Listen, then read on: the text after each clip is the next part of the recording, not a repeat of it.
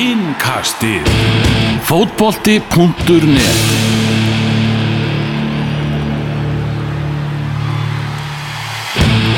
Komið sæl og verið hjartalega velkomin í Evrópu yngkastið og það er svo sannlega Evrópu yngkast að þessu sinni því að meistaradeldin, hún verður til umfjöldunar einni ætlum við að sjálfsögða að skoða ennsku úrvalstildina og ætlum að kíkja á hvað er að gerast í Evrópu fótballtanum um eh, næstu helgi.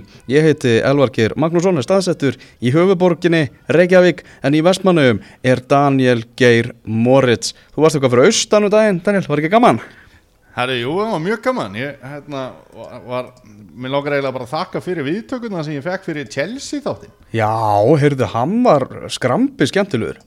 Já, þetta var skemmtilegt ég svona hafði samband við eins og hlustundur okkar vita svona Chelsea feðga sem er ekki vanir að tjá sig í fjölmýrum Já.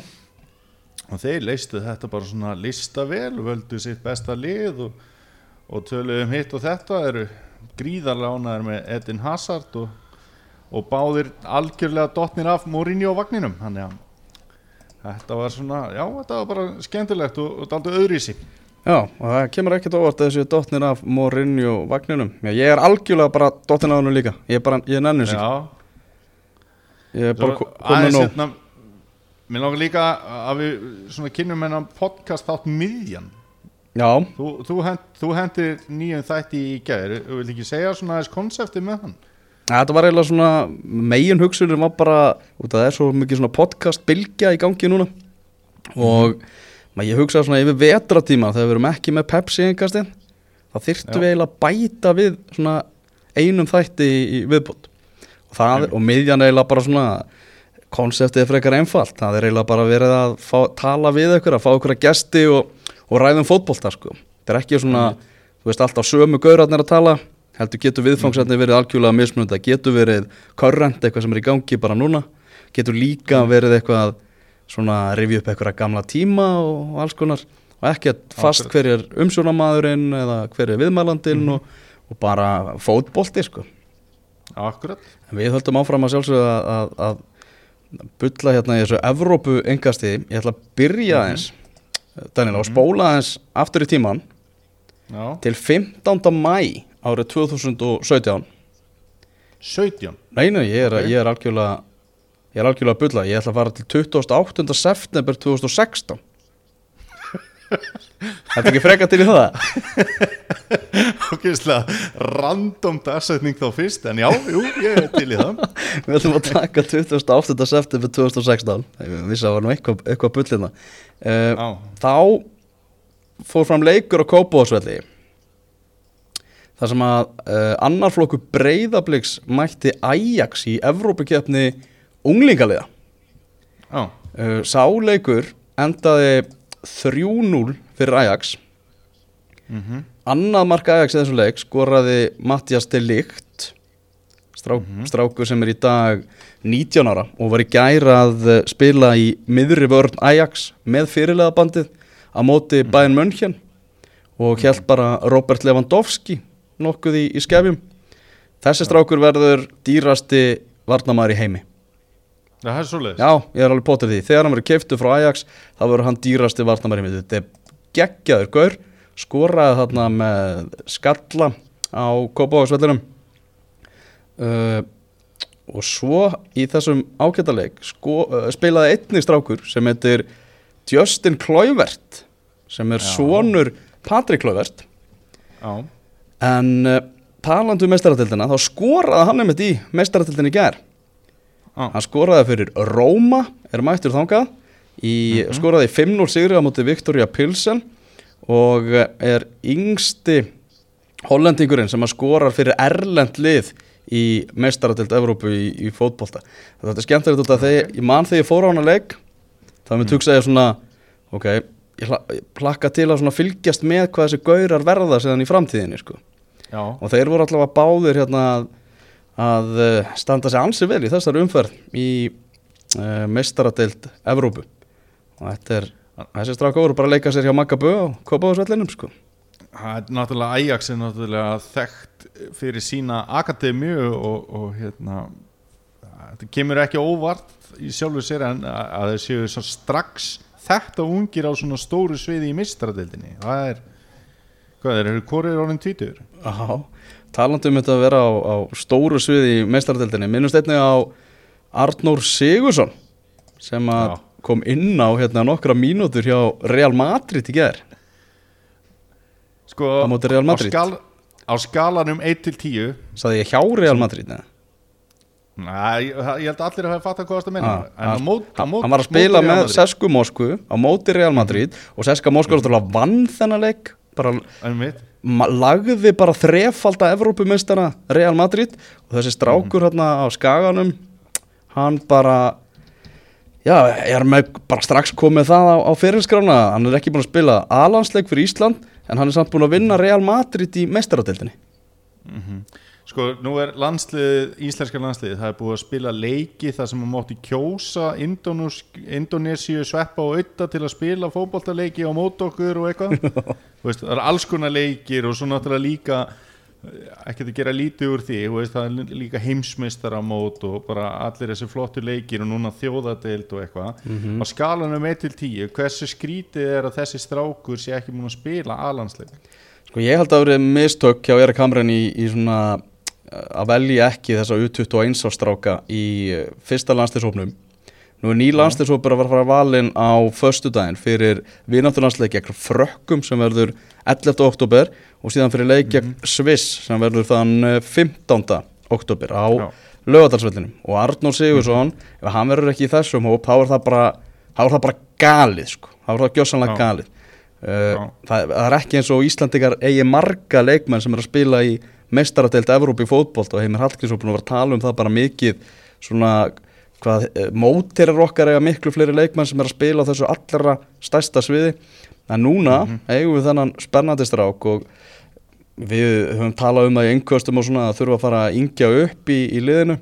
Og Já, já, þar er veist, það er bara þessi gaur bara algjörlega kjörinn og, og eins og ég segja, hann átt að spila í öllum þessum öll þessi brottföld sem voru í, í síðasta hóp það átt hann bara að vera valinn þar og þrátt fyrir að U21 hafi verið að fara í eitthvað verkefni þá bara er það þannig að ef að leikmaður er nægilega góður fyrir aðlandslið þá bara að vera valinn hóka því að markmið U21 árs landslið á, landsliðsins á fyrst og fremst að vera búa til aðlandsliðsmenn sko. já, já, nákvæmlega. En þetta var svona að smá, smá út úr annað kannski Fyrst erum við að tala um hann svissleik sem er framöndan 2000 miða seldir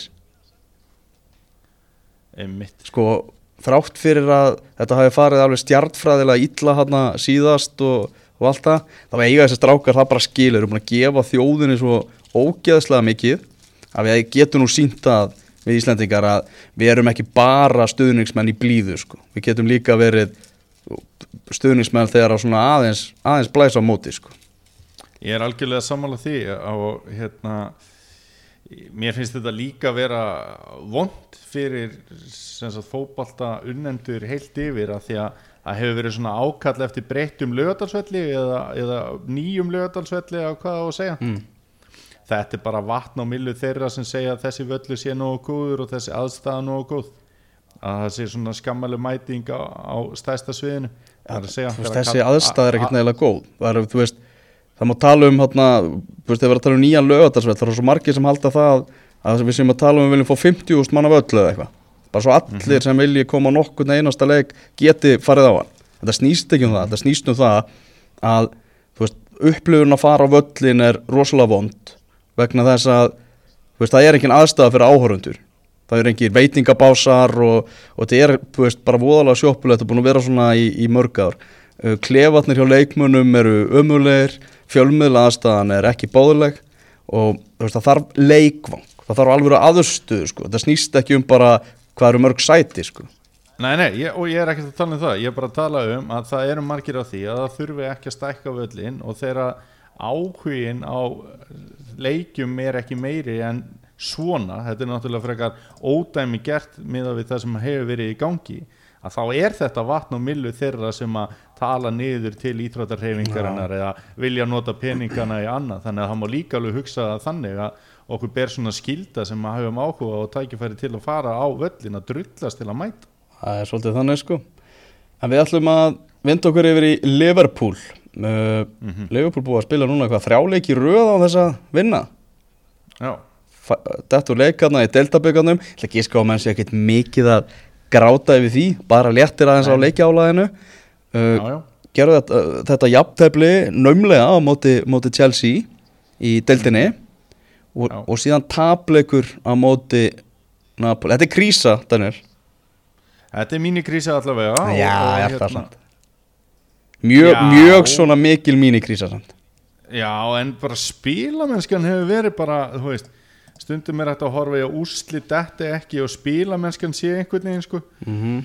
Og, ok, spilamennskan á köplum og í þessum Chelsea-leik um helgina var fín og, og markmennir voru með svolítið síningu báðir Eh, þó að hérna, markmennir Chelsea hafi síðan, hann kepa vinnur okkar hafi síðan gefið markið sem að réði úrslitum leiksins að þetta skildi enda jafntefli að þá var það svolítið svona gjöf hjá honum ítla staðsettur og að einhvað síður draumaskot frá Daniel Sturridge Mhm. en svo leikurinn, leikurinn í dag eða í kvöld sem að var að klárast hjá Liverpool hann um stundum talaði um að, hérna, að lið farið til þess að sækja eh, 0-0 Mm. mér fannst spilamennska Liverpool eiginlega að vera bara þannig að þeir fóru að sækja 1-0 sigur Napoli. Áhugið þeirra á þessu verkefni og spilamennskan var bara ömur Já, þetta var bara hrikalega verðskuldað að, að Napoli hefði náðu þessu flautumarki þarna sem að Lorenzo Insigne skoraði í lokin. Já, bara ekki spurning og þeir voru í raun og voru óhefnir að hafa ekki komist yfir rétt á undan eða, eða svolítið á undan þegar þeir eiga hérna skot í slána. Og Napoli síndi miklu meiri áhuga á að fá eitthvað út úr þessu leik, ég held að Liverpool hafi ekki átt skot á markið. Okay. og Liverpool ekki eitthvað skot á marki það er, það er bara mjög áhugavert sko. Það er mjög áhugavert sko. Og eh, það má kannski segja að það hefði verið sniðut hjá þeim að kvíla þar á fremstu í kvöld en það var þá bjánalegt að gera það með þá inn á vellinum. Já, ef við skilum hvað við, þeir tóku bara engan þátt í þessu leik og, og hérna voru mjög slakir og, og bara þetta var bara mjög lélegu leikur hjá Liverpool og móti ekki, ég ætla að segja ekki betra liði en Napoli. Og þá er það sem ég er að meina með því er að í tvekja sagt leikja einvíi myndi maður tippa á Liverpool frekar en Napoli. Liverpool á að vera betra heldur en Napoli þó að Napoli sé er þeir ekki langt næst besta liðið á Ítalíu?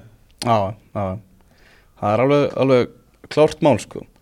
uh, Þetta er svona aðeins sko, svona, dempar svona stemminguna og, og það sem hefur í, í gangi hjá, hjá, hjá Liverpool-stöðnismannum upp á síðkastin mm -hmm. Ekki hægt að segja það? algjörlega Jú, algjörlega, það var náttúrulega voru meðslið þarna, Nabi Keita þurfti að fara út á og, og mér fannst það ekki líta vel út og ég setti það á samfélagsmiðla og ég fekk svar frá manni sem að ég treysti aðeins í svona umræði sem að ég ætla að vitna í Mm. Það er Einar Óli Þorvarason Já, sjúkraþjálfari Vals. Íslandsmeistara var Eh, Íslandsmeistara Vals. Og, og hann hafði ekki, hann er mikill liðupúl maður og hann hafði ekki mik miklar áhugir af þessu. Uh, Keita held um baki er svona, hann, fannst líklegt að hann hefði tóknað og stípnað upp frekar en að hafi slitið eitthvað, þetta var ekta svona það var engin nálagt þannig og hann er alltaf inn úr leik, þú veist, svoleiðis meðsli eru oft uh, alvarleg en hann hafði ekki miklar áhyggjur af því þessi ágæti sjúkraþjálfari. Og Jordan Henderson kemur inn, kemur inn á. Jordan Henderson alvar mm -hmm. hann, það eru fáir púlarar að fá sér Henderson treyjur í dag. Já, hann er bara á ég menna í þessari samkjarni sem er komin á miðjuna hjá, hjá Liverpool, þá bara hlýtur hann að verða undir. Veist, það, það bara segir sér sjálft. Já, hann er samt líka hann er, hann er eiginlega, mér finnst það bara jafnvel hataður Já, er það þannig? já, mér finnst það alveg rosalega óvinnsæll hjá, hjá hérna, púlaranum sko. Ok, ok. Og, og hérna púlarinn hatar ekki að fara í dómarasæti og það er það sem gerir hann líka skemmtilega. Hann að, að hérna, þeir, þeir segja algjörlega umbóðulegs hvað þeir eru að hugsa. Og það, það var bara nei, nei, nei, ekki setja Henderson inn og Henderson rusli komið inn og hvað er hann að spá að setja Henderson inn og hvað er Fabinho og bla bla bla bla, bla. þannig að Henderson er myndi ég segja óvinnsælasti leikmaði Liverpool í dag. Já, það er bara ekki flóknir að það. Ég er að segja það að Joe Gomez, hann heldur áfram að fá, fá rós. Hann er að vaksa ríkalega hratt sem leikmaður. Já, já, algjörlega. Og hérna hann hefur náttúrulega bara staðið sig ótrúlega vel á þessu tímabili og maður fannst svona undir lok síðasta tímabili að það væri búið að mynda rosalega öflugt miðvarapari með Dejan Löfren og, og Virgil van Dijk. Mm -hmm.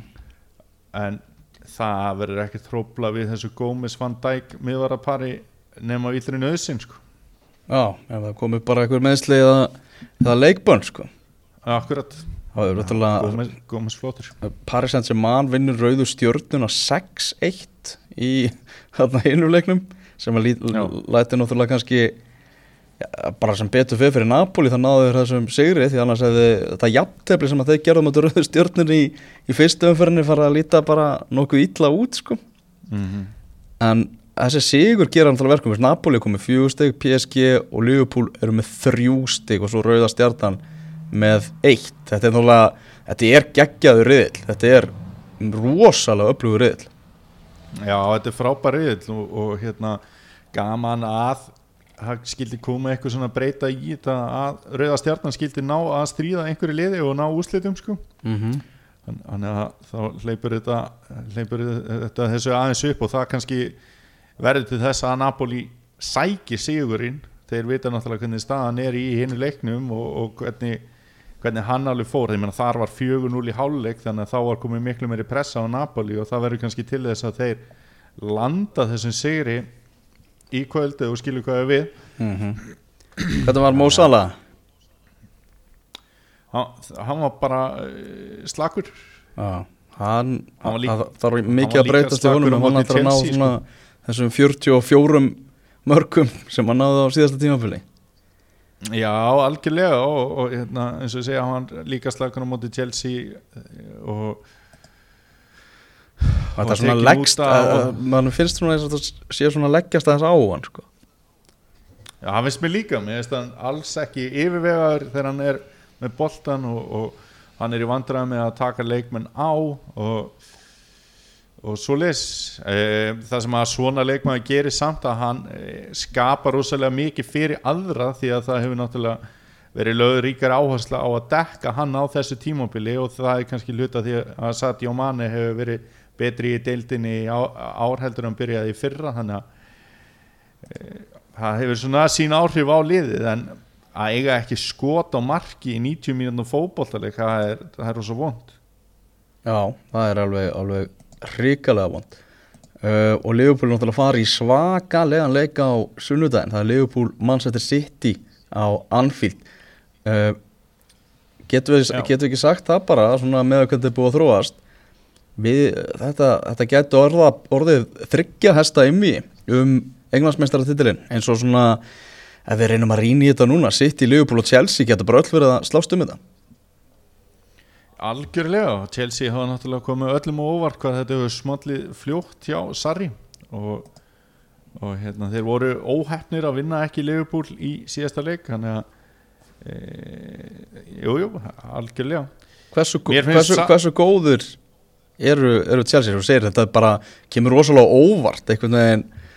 Maður hugsaði já þau þurfa tíma til að verri, venjast þessum sarri bolta en það bara einhvern veginn kom bara á fyrstu æfingu verist vera Já, og það eru náttúrulega leikmenn í þessu Chelsea liði sem að elska svona fótbolta. Ég meina Marcus Alonso blómstrar í svona kerfi.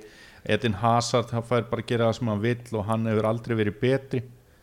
Uh, Viljan og Petro hafa báðir bara verið fínir og svo hafa hérna, nýju miðjumennir komið flottir inn. Þannig að það bara, þetta lítur mjög vel út hjá Chelsea og, og allt í henni bara David Lewis komið þarna inn og hann er ekkert í einhverjum vandræðum þannig sko þannig að Já, Sarri, bara- Sarri talaði með um David Lewis hann væri bara heitlaður einhvern veginn á honum. Hann vissi að hann væri öflugur en hann sagði bara hann er miklu betur en ég bjóst við og, og nú, nú er að tala um bara nýjan samning og þetta er búið að vera svolítið svona sitt á hvað hjá David Lewis eða hann hann uh, mætti aftur í Chelsea-búningin Já, hann náttúrulega bara bossaði deildina þannig þegar hann kom aftur. Já, já. Hann náttúrulega bara gekk um alla Evrópu og tróð sokkum upp í menn. Mm en svo kom tímabilið þar á eftir þar sem að, hann hérna var bara að setja upp upp og, og var eitthvað svona aðsláttu sefni en hérna Þeir heimsækja, sáþamtónum næstu helgi ættu að, ættu að taka sigur þar sko. Mm, já, algjörlega. Eh, Finnst þér Chelsea jafnvel bara að vera orðið líklega heldur en Liverpool eru við konið þangað? Nei, mér finnst það ekki Nei, nei, ég er sammála því ég minnst það ekki heldur Mér finnst uh, ég ætla svona aðeins að, náttúrulega Etin Hazard styr, hva, í hvað sæti er Etin Hazard yfir bestu leikmann heims í dag?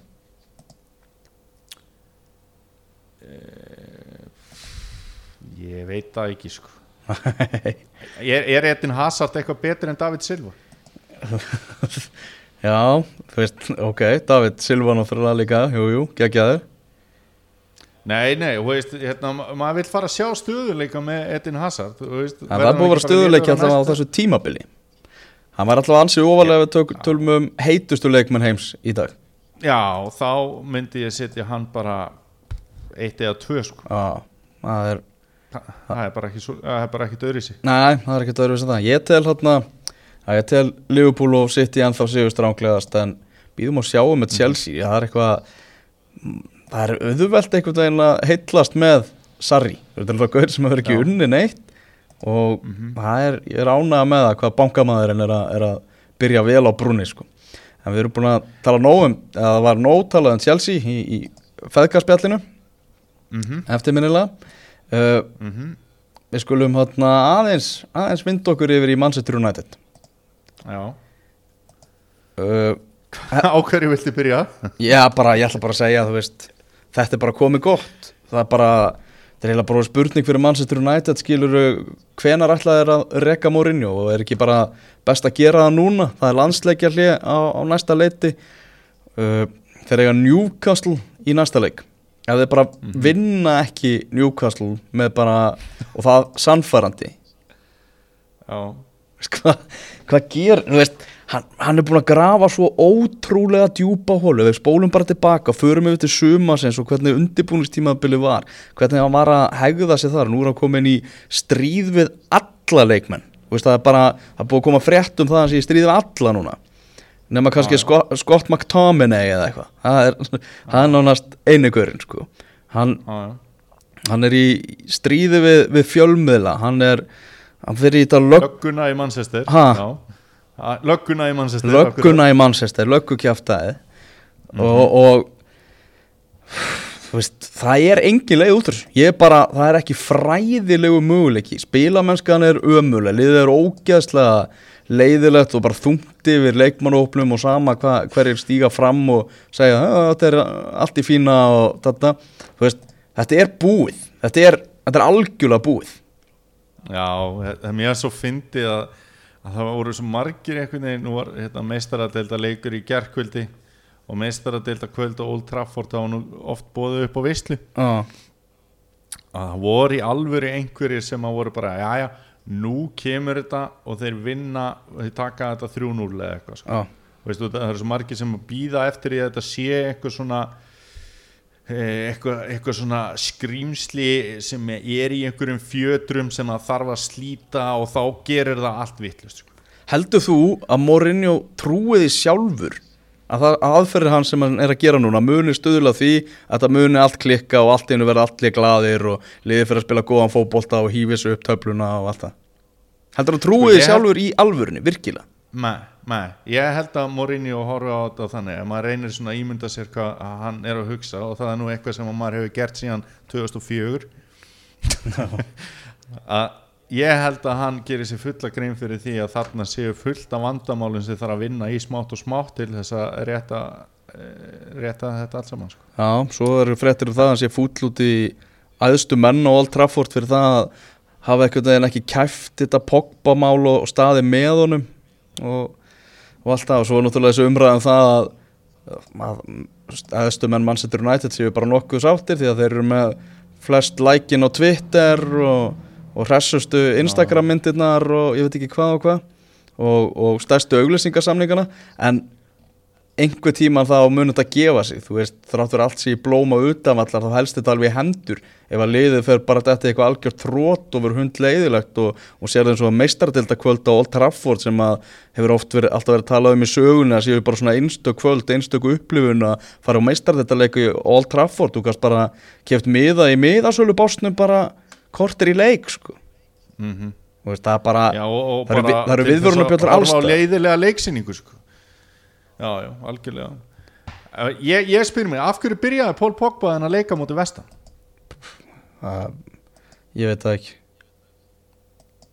Er það ekki óeðlilegt? Þú veist, er það ekki bara svona, herðu, ég er ekki með neinn tök á þessum klefa eða aðstöðunum eða neitt, þú veist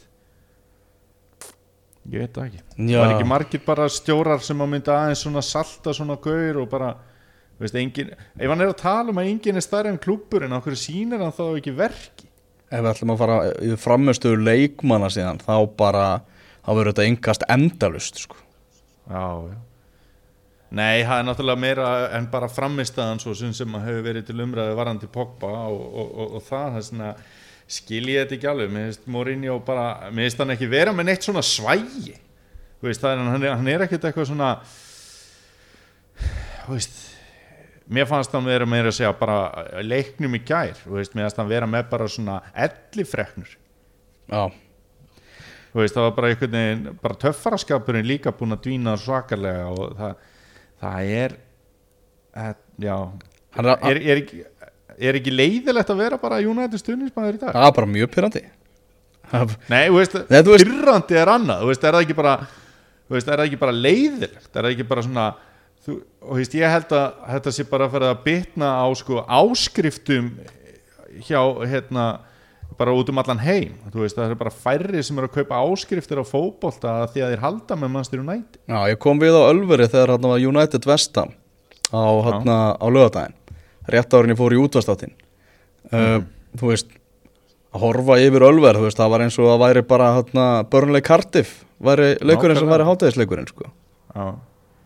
Það var, hvað, hvað áhrif allir þetta hafi til, veist, hvað allir til dæmis bara Jón Tryggvi sem er eigandi Ölvers, hvað allir hann selji mikið færri hambúrgara út að þetta er algjört rusl að horfa á.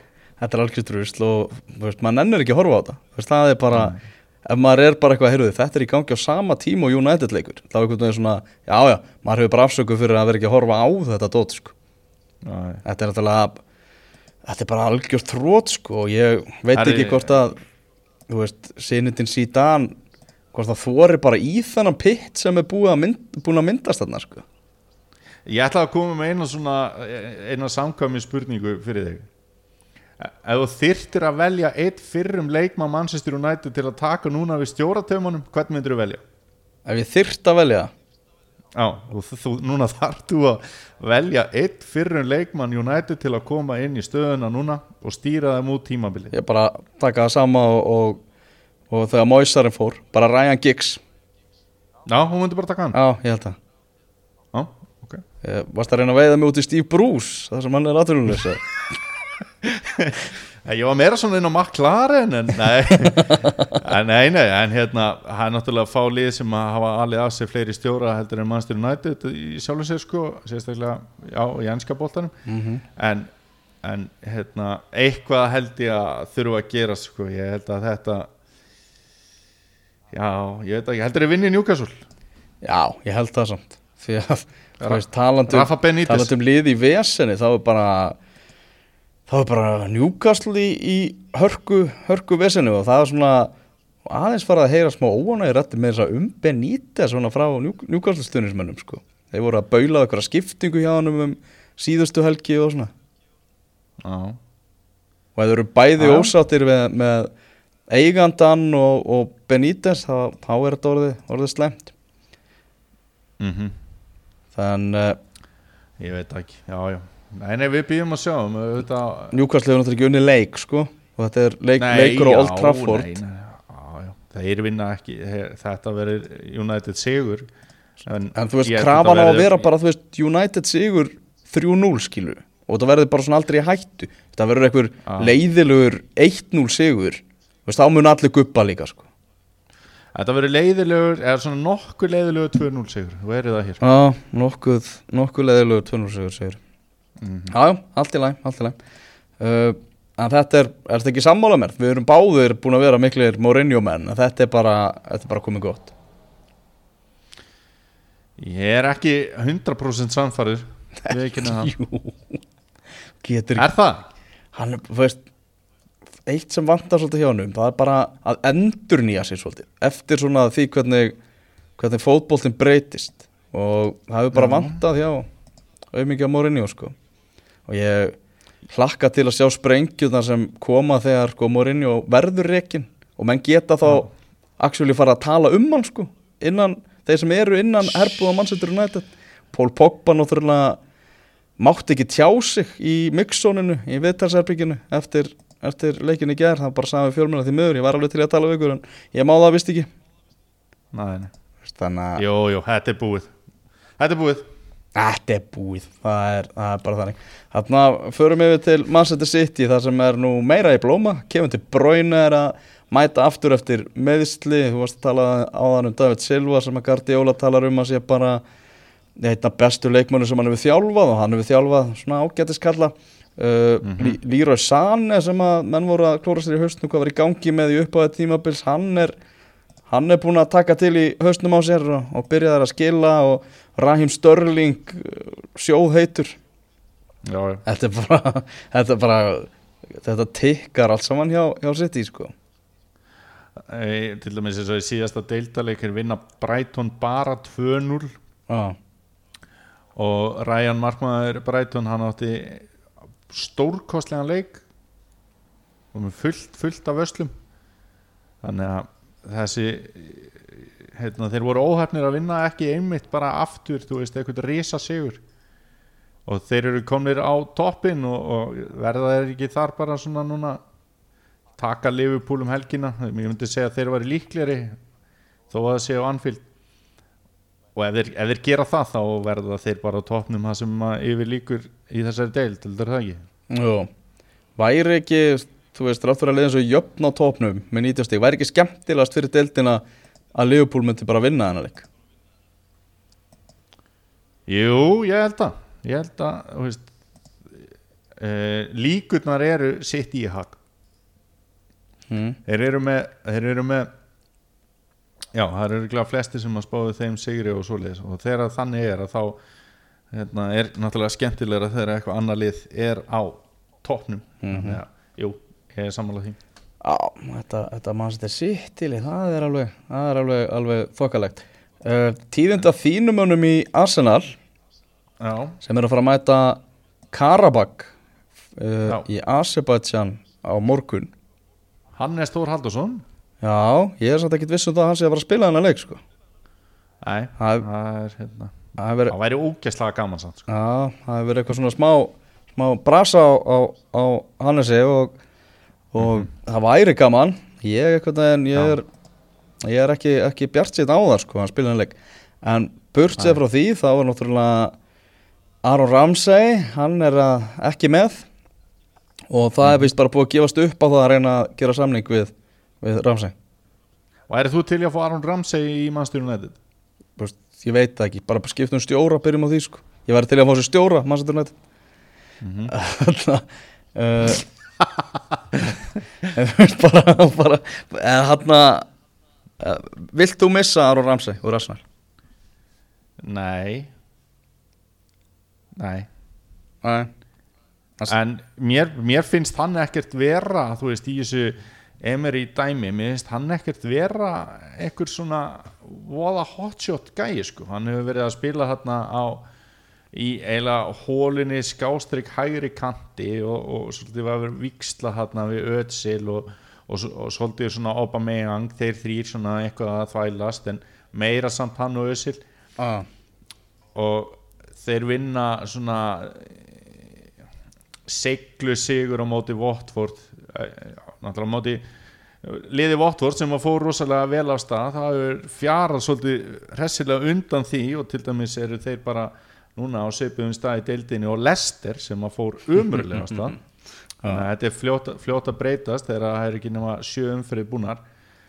Og þá var það svolítið út að að Aron Ramsey var farin út af að hlutinni fór að ganga í þeim leik og, og, og Alex Iwobi kom inn og, og mér finnst hann bara búin að vera betri.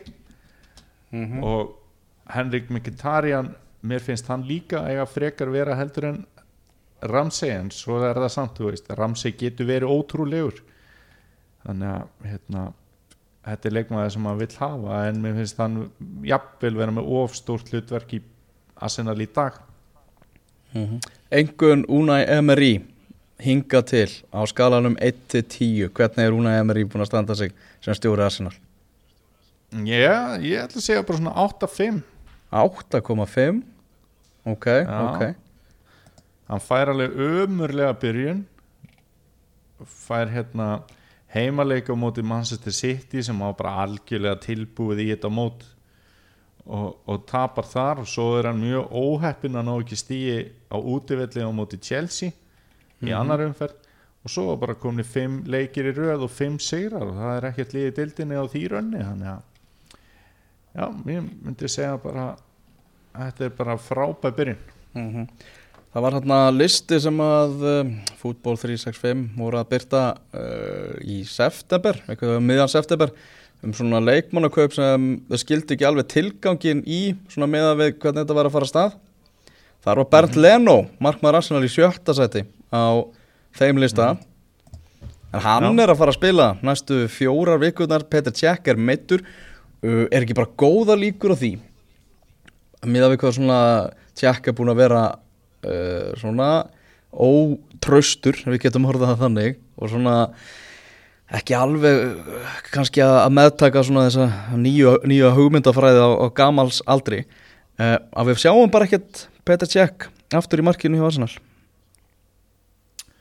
Petri Cech er búin að fá sig hvað var að segja eitt mark í síðustu þreymuleikjum Já, hann er búin, að- hefa mjög góða vörslur hann hefur ekki litið alveg nógu vel út nei, í, í þessari spílamennsku og enda eh, hann stundur talað um að það sé erfitt að kenna gömlum hundi að sitja og það kannski ásöldi vel um Peter Cech þegar hann á allt í þinn að fara að vera einhver fótboltakall Mhm. gæi sem er þekktu fyrir bara sína geggju skuttlur og, og, og fínustu útlöp. En hérna sko, Peter, Peter Cech hefur verið góður á þessu tímambili já, þrátt fyrir hérna þessi, þessi svona green moment í, í löpunum. Þannig að ég er ekkert svo viss. Hins vegar ef að Arsenal fer á eitthvað flug bara, eða heldur einhverju flugi og bara vinna og taka úrslit og Ben Leno er, er hluti af því að þá veist, þá er engin ástæða til að breyta. Eh, næsti leikur Arsenal er útileikur á móti Fulham sem að ætti nú að vera svona, já, jafnvel skildu sigur og síðan er heimaleikur á móti Leicester næsti leikur þar á eftir og svo er útileikur á móti Crystal Palace. Ég menna þetta eru svona leikir þar sem hlutirnir ættu að geta gengið upp og, og svona ætti að vera nokkuð þægileg byrjun fyrir hann sem byrjunarliðs maður þannig að e, ég ætla að segja að Petr Cech verði e, jafnvel í byrjunarliði Arsenal í desember sko. já, ég ætla að segja Bernd Leno ok, Ég held bara að hann, þú veist, gera ekki mörg mistök og, og hann muni bara ekkert gefa færi á því að Petr Cech kom aftur í, í markið. Ég meina, Bernd Leno var ekkert að mæta þarna til að vera einhver vara skeifa, ég held að það sé alveg, alveg klárt mál. Og ég held að Emery en- hafi líka hugsað að þetta myndi svona hægt og rólega, kannski láta hann detti inn í þetta, sko. Já, ég meina Leno spilaði samt þennan Evrópuleik hérna og, og fekk á sig mörg þar ég meina, Þú ert ekki samfæður um hann. Ég er, ég er tím Leno. jú, já, ég veist, jú, jú en ég, en líka bara sko, Pe- Petr Cech kom öðru sig inn í þetta tímabil heldur en, en í síðasta tímabil og veist, hann var búin að buffa sér svolítið vel upp hann var allt hann að standa á honum og óhefni hann skildi lenda í þessum meðslum þannig að ef við höfum verið að tala um þetta fyrir ári síðan þá var þetta svo augljótt svar en fyrir einhvern sem er búin að virkilega fylgjast vel með þessu og, og, og skoða hvernig hann hefur verið þá, þá er þetta ekki alveg svona augljóst Næ, ég trúi þetta nýr. Þú ert búin að sjá talsvægt fleiri Arsenal-leiki á þessari leiktíð og bara yfir æfina heldur en, heldur en ég hef gert. Þannig að ég, ég kaupi þetta hjá þér. Annað sem er svona frétta var náttúrulega íslenska helgin var uh, í Evrópuboltanum. núna um, um helgina Gilvi Þór Sigursson hann er bara búið, að- búið að festa hann í tíunni og Já. uh, hann átti frábæra framistöðu, hann Gilvi og það lofar góðu fyrir eh, komandi landsleikjali. Eða ekki.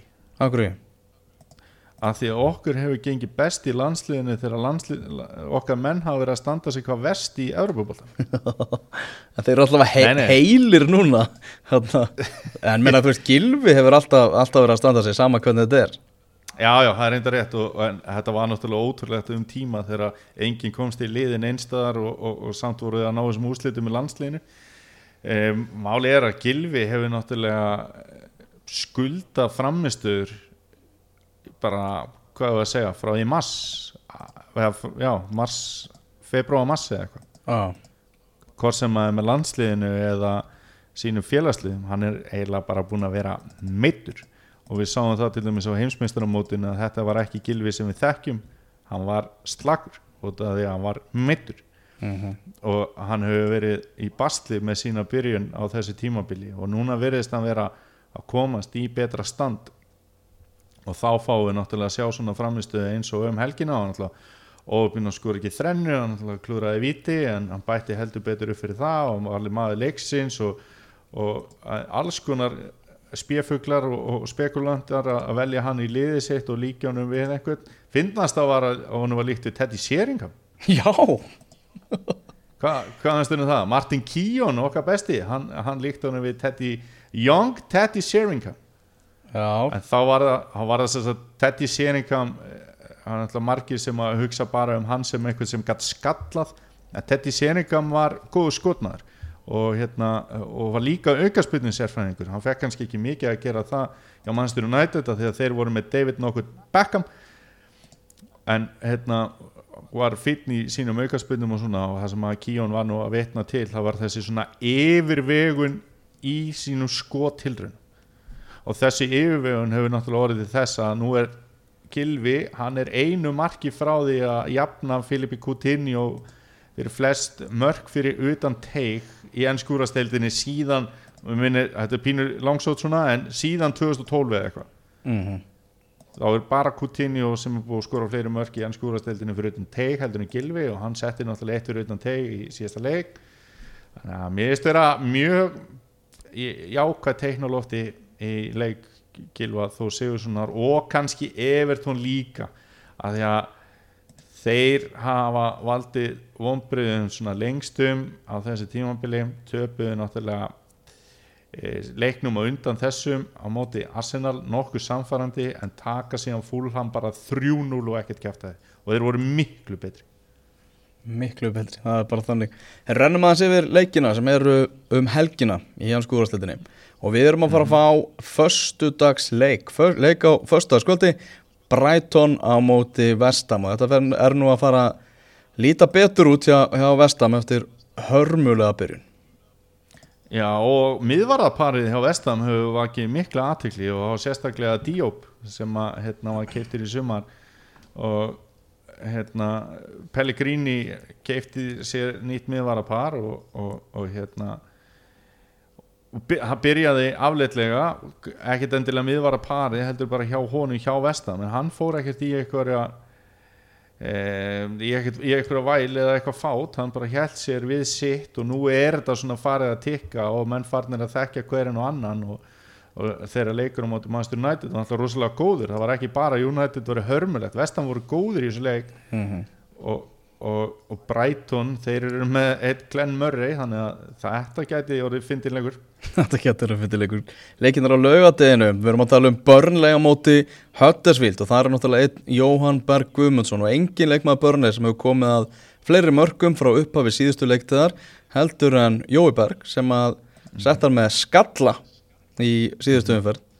Sýndi þarna stökkraft sinn hann að Jói og það er náttúrulega frábært að fá hann aftur í íslenska landsleisópin fyrst við erum að tala um það einmitt því hann er náttúrulega að verða bara meiri og meiri líkilmaður í íslenska landsliðinu með, með hverju verkefni Já, Jói er bara eh, mögulega besti fótballtamaður Íslands og, og hefur verið það lengi á, bara ásamt Gilva og, og svoleiði sko. þannig að hérna, það var frábæri leikur hjá honum eh, síðustu helgi og þetta skallamarki menna Michael Jordan hefur verið stoltur af þessu sko.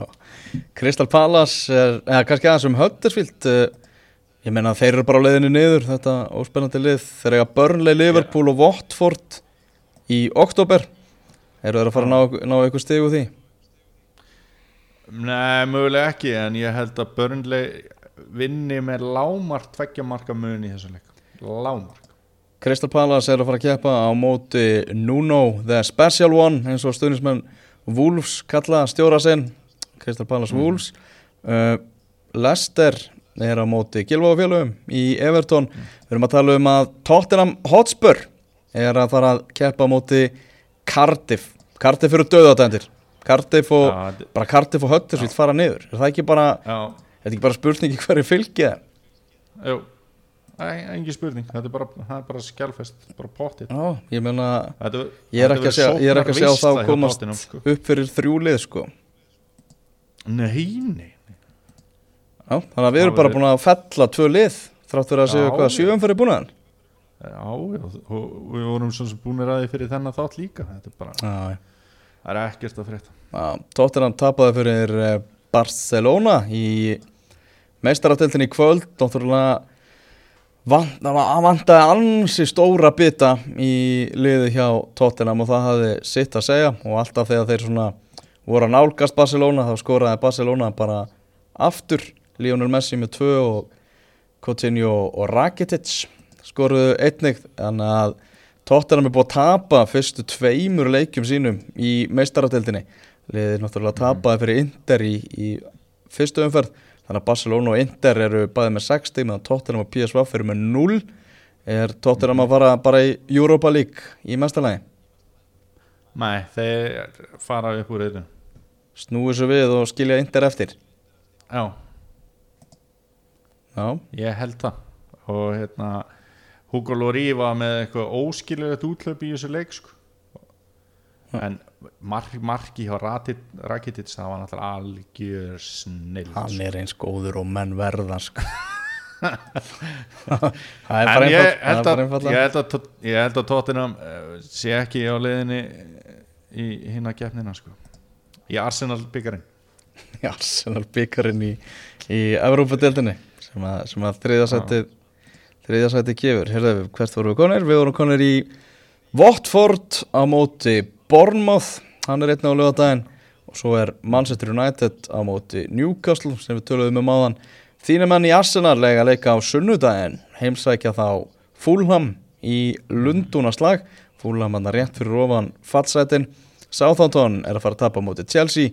Og svo er stórleikurinn viðurregn Liverpool og Manchester City.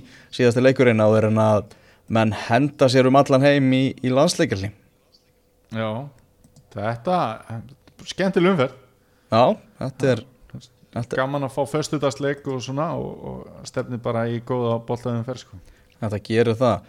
Ef við tökum hérna smá svona rúnd yfir það sem er að gerast í Evrópu það er náttúrulega uh, Serie A. Þar er uh, Juventus strax komið með uh, sex stiga fórustu þetta, þetta verður bara gönguferði í gardinum hjá Kristján Ronaldo sem hefur reyndar um ímestlegt að hugsa núna þar sem hann er sakaður um nöðgun sem hann neytar alfarið. En það er, já það verður bara fróðlegt að sjá hvernig svona það mál mun vinda enn frekar upp á sig. Já, algjörlega og, og hérna við lifum á tímum svona MeToo byltingar og, og, og ef að þetta ef verður sínt fram og hann framdi þetta þá erum við mögulega að sjá Kristján Ronaldo, Kristján Ronaldo verða rekin frá Juventus. Það er bara svoleið sko. Já, það er bara svoleiðis. Þannig eru bara tímannir orðnir í dag og, og hérna e, það er því það er því stærst, einhverja stærstu fótboltafrétti bara jafnvel fyrr og síðar. Ég meina þú veist ef hann er bara dæmdur nöðgari þú veist ef við ætlum ekki að dæma hann í þessum þætti þá hlýtur að vera ansi erfitt að halda einhvern fótboltaferli fljótandi sko. Algjörlega, menn hafa bara verið minni nöfn og í einhverju neðri deildum í Englandi í miklu basli með það og, og, og þannig vil ég held ég líka bara hafa það sko, að þetta sé eitthvað sem er erfitt að, að hérna, sætta sig við. Mhm. Á Spáni er Barcelona og eh, Real Madrid á topnum með 14 stig, þannig að ekkert sem kemur óvart þessi tvö hlýsi á topnum en það kemur kannski óvart að eftir sjö umferðir þá eru þið búin að vinna fjóra leiki, hvort lið þannig að þetta er ekki þeir hafa talsvægt minni stigasöfnun heldur en, heldur en þau eru vögun heima fyrir. Er þetta, á, er þetta ára Atlético Madrid? Eða tímabil Atlético Madrid? Er þetta Ah. að bara grísmann og, og félag? Nei, ég held ekki Það er, er svona með okkur góðir. þetta er að þróast sko í Európa-bóltanum þá, Mm. við erum búin að tala um það áður þessi, þessi meistaradeild það verður eiginlega aldrei verið erfiðar að, að sjá einhverja svona skýra sigurverða heldur en akkurat núna sko. Þessi félagskipti á Ronaldo hafa þar mikið að segja. Já, algjörlega og hérna e, minn hestur er á Manchester City. Að þeir vinni meistaradeildina? Já, Já Uh, í Þýskalandi þar er Dortmund komið með 14 stegur á topnum Bayern München þeir hafa verið að gefa eftir eftir fína byrjun, eru með 13 steg og Hertha Berlín með 13 einnig. Herri, hérna, með, með, hérna Dortmund, Já. þú varst að lýsa leikninu á þeim aðan Já, Hversu góður er þessi Dani? þessi er Eh, Dani, sem að koma á inn á? Já, sem maður lagði Larsen vinnur okkar Já, hann er bara hörku öflugur og eins og bara oft hjá Dortmund þeir eru með ógeðslega spennandi leikmenn í sínu röðum. Já, og það, sem- eitt sá mest spennandi hafa núna er náttúrulega Jadon Sancho sem er englendingur. Já, ok. 18 ára englendingur sem að uh, var í unglingastarfinu hjá Watford var sem að fengin yfir til Manchester City og gekk séðan í raðir Borussia Dortmund. Og það er verið að tala um það að hann verði valið núna í undir 21 áslandslið hjá englendingum. En hann var bara í byrjunarliðinu hjá Dortmund í, kvöld og hrikalega lipur og þetta er eitt svona mest spennandi leikmaður sem England á núna. Og það er svolítið áhugavert að sjá hann hjá, hjá Borussia Dortmund sko. Já, en ég fíla þetta Dortmund dæmi sko. Já, ég, þarna, það er alltaf gaman að, að horfa á, á Dortmund og náttúrulega líka bara með geggjaða stuðningsmenn og, og mikið stuð. Uh, tóku þetta Mónaco-lið í, í setna hálfleik og bara tóku 3-0 sigur. Mónaco er í tómu tjóni. Já, Mónaco er í fallsæti í fransku deltinni, eða svona umspils fallsæti. þeir eru eiginlega tjónako Já, þeir eru tjónokku, þeir eru með 6 stig úr fyrstu 8 umferðunum og þegar maður svona einmitt svona, það er bara alveg galið miða við mannskapin, vissulega þegar samir þessi tvö lið sem að voru að mætast í kvöld, Dortmund og Monaco að mikið fyrir að selja sína bestu menn, mm -hmm. það hefur svona, þarna, svona innkjent þessi, þessi félög. En veist eins og þarna þetta, þessi mannskapri og Mónaco var náttúrulega ekkert að vera í fallsæti í frönsku deildin en það endur náttúrulega öðru sæti síðast. Svo hugsa maður leikmaður eins og Alexander Golovin rússin sem að kom frá Sesku Moskvu maður bara orðaði við eiginlega öll stórlið í Evrópu. Nema hann bara ákveða að skella sér til Monaco bara fá þetta hörku, hörku, hörku félag. Ég held að hann hafi ekkert alveg verið að búast því að hann verið í fallsæti í Fraklandi og með núlstig í meistaradeildinni bara. Og væri bara hérna ykkur algjör eimt og, og volaði sko. Nei, nei, nákvæmlega Þetta er mikið fall á Monaco liðinu á ekki löngun tíma. Og voru náttúrulega eitt skemmtilegasta liði í meistaradeildinni fyrir ekki svo löngu og var ekki bara þar síðasta tímabili sem þeir voru svona virkilega góður það er eiginlega, já þú veist þeir slóu út þarna Dortmund í, á það síðasta tímabili í meistaradeildinni samtal 6-3 í tveimur leikjum sko. Á, þannig að þetta er þetta er, er eintóm gleði í þessu maður Daniel. Ha. Já, eintóm gleði, eintóm gleði Heyrðu ég var þarna uh, henda í fara aðeins yfir eitt top 10 lista hérna hjá okkur í lokinu Já, gerum það, endilega. Þetta var uh, top 10 listi sem að byrstist á, á fótballtabóttunni þetta í gær. Bestu leikmyndir í enska hinga til. Í tíundasæti Aron Van Bissaka hjá Crystal Palace. Já, sem er uh, búin að vera hann í hægri bakverunum og fekk alltaf einu óvænt tækifæri þar og, og bara magnaður í, í, í því dæmi. Algjörlega og það var náttúrulega missir að Fonsu Mensa skildi ekki yfir áfram hjá City, nei hjá City hjá Palace. Og hérna eh, Crystal City. einhverju sem höfðu áhyggjur af því en það er engin með áhyggjur af því í dag. Uh, James Mattisson hjá Leicester er í nýjönda sæti Já, þú, ert, þú komst svolítið með hann inn í engasti, þú mátt eiginlega eiga það sko. Má ég eiga James Mattisson?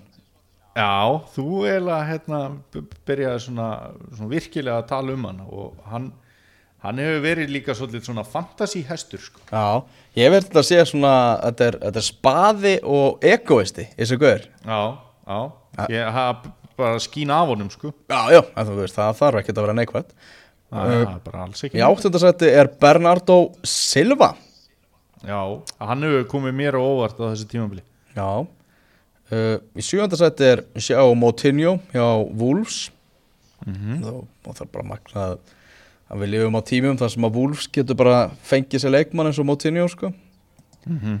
uh, Þú bjóst ekki við því að Ryan Fraser í Bournemouth er það þessu lista Nei, e, jú, ég bjóstu við í, þegar þú ert að lesa þetta núna. Já, en fyrir tímabilið ekki. Nei, aldrei. Aldrei, aldrei. uh, Skemmtilegt nafn í fimmta sæti James Milner. Já, einhvern veginn það bara skilið. keiftu til Liverpool þá hugsaðum maður svona að fínt þeir nota hann eitthvað svona í rotation dæmi og eitthvað. Liverpool er góðu staðu til að deyja. Já, já. En þú veist, En, er bara í besta standi lífsins sko. Já, og Liverpool er enga veginn að deyja sko. Þannig að þetta er bara, hann er geggjað sko. Roberto Pereira hjá Watford er í fjórðasæti Já, og komin í argentínska landsliðið svo náttúrulega áhugavert alltaf ekki þriðasæti Alexander Mitrovic hjá Fulham já, ég, ég veist að ég dýrka hann að gæja sko. þetta er geggjaði strækir sko. Ég veit að hann er nefnilega og, og hann, hann elskar það hvað er að ganga vel og veist, hann er örgulega ennþá hann er, þetta er svona típa hann er ennþá að hugsa um hvað þessi gott á Newcastle og honum gangi svona vel. Ég held að í hvert einasta sinn sem hann skorar fyrir Fulham þá, þá er það fyrsta sem hann hugsa um er Newcastle. Já, ég held það líka. Og, og hvað Newcastle menn hugsa þegar þeir sjá hann fagna markinu. Já, og veistu, hann, er, hann á eftir að vera með þetta drive bara þanga til hann fær mögulega stærra félag að spila fyrir ef hann heldur svona áfram sko. og þetta er svo brengla drive en er að svín virka fyrir okkar mann sko. ég, Bara- ég vil sjá hann hjá um stórlið er hann ekki bara komin á þann klassa? Eða bara svona sína að sé á þeim klassa? Ef þú ert að hann bara hann getur verið geggjaður hjá stórlið hvað er hann hann er 24 ára gamall. Mm hann er á mjög góðum aldri. Hann geti þessin að fara í stórlið eftir 2-3 ár sko. Já, hann er, er nýjórðin 24 hann var 24 ára í september. Já. Sko, málið máli með hann Jújú, jú, hann hefur hæfileika til að fara í stórlið en það hefur nú ekki verið það sem er mest spáð í með hann endilega heldur að hefur hann stundu verið með hausinn í hinum endanum hann er, e, hann er heldur betur að hérna, hann sagði það líka sjálfur Fúlham voru gaggrindi fyrir að kaupa ekki sendir fyrir þetta tímabil og hann sagðist bara alltaf skora fyrir það og hann hefur gert það og hann á klárlega skilið að vera í þessu sæti á þessum lista ef ekki ofar. Mm Í öðru sætti Virgil van Dijk, við töluðum um hann í einnkastum daginn að Leopold hefði þess að geta borga bara meira fyrir hann, hann er búin að vera hverra krónu virði og í fyrsta sætti er Eden Hazard hjá Chelsea, eins og við segjum bara heitasti fótballtamaður í heimi í dag. Já, Þann, jú, ég hef ekkert út af þennan lista að setja það er svona bara skemmtileg og óvænt nöfn þarna inni sko. já. Uh, þið viljið meiri fótbolta þá er Evrópadeildin að sjálfsögða dagskrá á morgun, við ætlum ekki að eða allt á morgun orðin samt í, í hana meira ég held bara að þetta sé bara komið skrambi fínt hjá okkur Daniel á þessu fína miðvíkudaskvöldi ákveðum að taka þetta núna á miðvíkudegi blanda saman hérna svona fótbolta hræri graut en það er það mikið að gerast í, í boltanum. Mm Ég held að það sé bara rétt Þegar ég segi bara góða nótt og beða heilsa til vestmanni Herri, ég skila þig góða nátt sumleis Bæjó